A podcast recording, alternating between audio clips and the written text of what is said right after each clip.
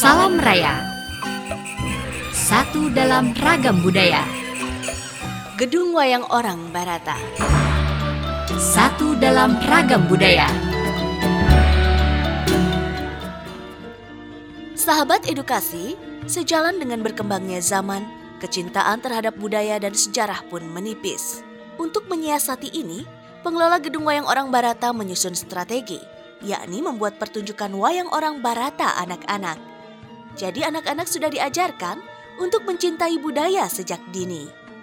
Selengkapnya, mari kita simak bersama penuturan narasumber kita, seorang seniman dan juga salah satu sutradara wayang orang Barata, Teguh Ampiranto, atau yang biasa kita kenal dengan Pak Kentus. Di setiap cerita wayang orang itu mengandung filosofi atau pesan moral yang bermanfaat bagi masyarakat luas gitu. Di situ dicontohkan tata krama.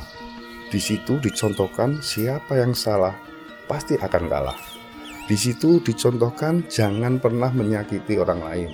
Kalau kita disakiti juga akan sakit kan gitu. Jadi tuntunan-tuntunan itu yang sangat bermanfaat khususnya bagi para pelajar generasi muda. Strateginya begini kami mengadakan pergelaran wayang orang anak-anak, pergelaran wayang orang remaja. Itu selalu terus kita lakukan. Kemarin dalam rangka ulang tahun Barata juga kami tanggal 21 kemarin mempergelarkan wayang orang anak-anak. Jadi kalau wayang orang anak-anak, anak-anak yang di luar komunitas kami cuma ikut, ikut terlibat. Itu yang bisa tetap mem mempertahankan wayang orang Barata. Sahabat edukasi, Gedung Wayang Orang Barata adalah aset cagar budaya milik pemerintah Provinsi DKI Jakarta. Nah untuk selengkapnya, mari kita simak penjelasan narasumber Bapak Imam Hadi Purnomo, pengelola Pusat Kesenian Jakarta Taman Ismail Marzuki. Nama saya Imam Hadi Purnomo, Kepala Unit Pengelola Pusat Kesenian Jakarta Taman Ismail Marzuki. Terkait wayang orang Barata, tadinya dimiliki perorangan, kemudian bergabunglah dengan uh, Pemda DKI. Kita tahu bersama bahwa mengelola, menghidupi kesenian tradisi ini bukan hal yang mudah. Nah, bagaimana cara melestarikan? Tentu pemerintah punya kewajiban untuk kecampur di dalamnya.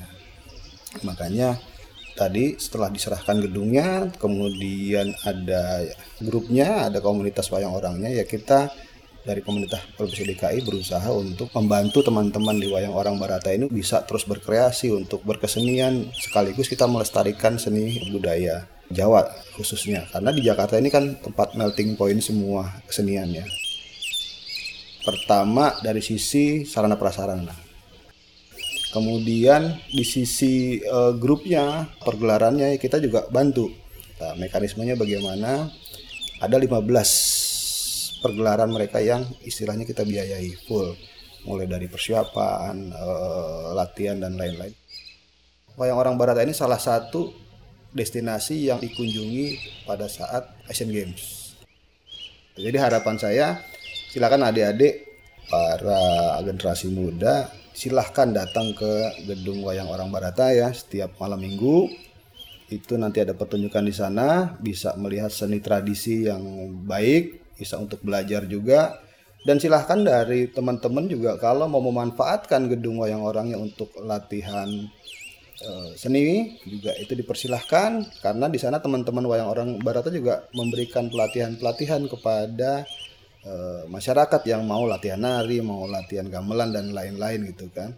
Dan memang ini harus dipertahankan, harus dilestarikan. Kalau tidak ada regenerasi kepada ya adik-adik kita yang uh, lebih muda ya nanti bisa budaya Indonesia ini terkikis dan habis itu.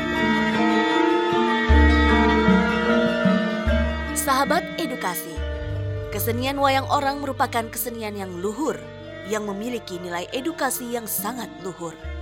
Tokoh-tokoh dalam cerita wayang misalnya Gatot Kaca, Bima, Arjuna, Panji, dan sebagainya harus kita jadikan inspirasi dalam keseharian kita. Sahabat edukasi, ke Jakarta naik kereta. Tidak lupa lewat Salemba. Budaya harus kita pelihara, negara harus kita bela. Nah sahabat edukasi, demikian tadi audio pembelajaran budaya tentang wayang orang Barata. Tetap semangat dan selamat belajar. Sampai jumpa.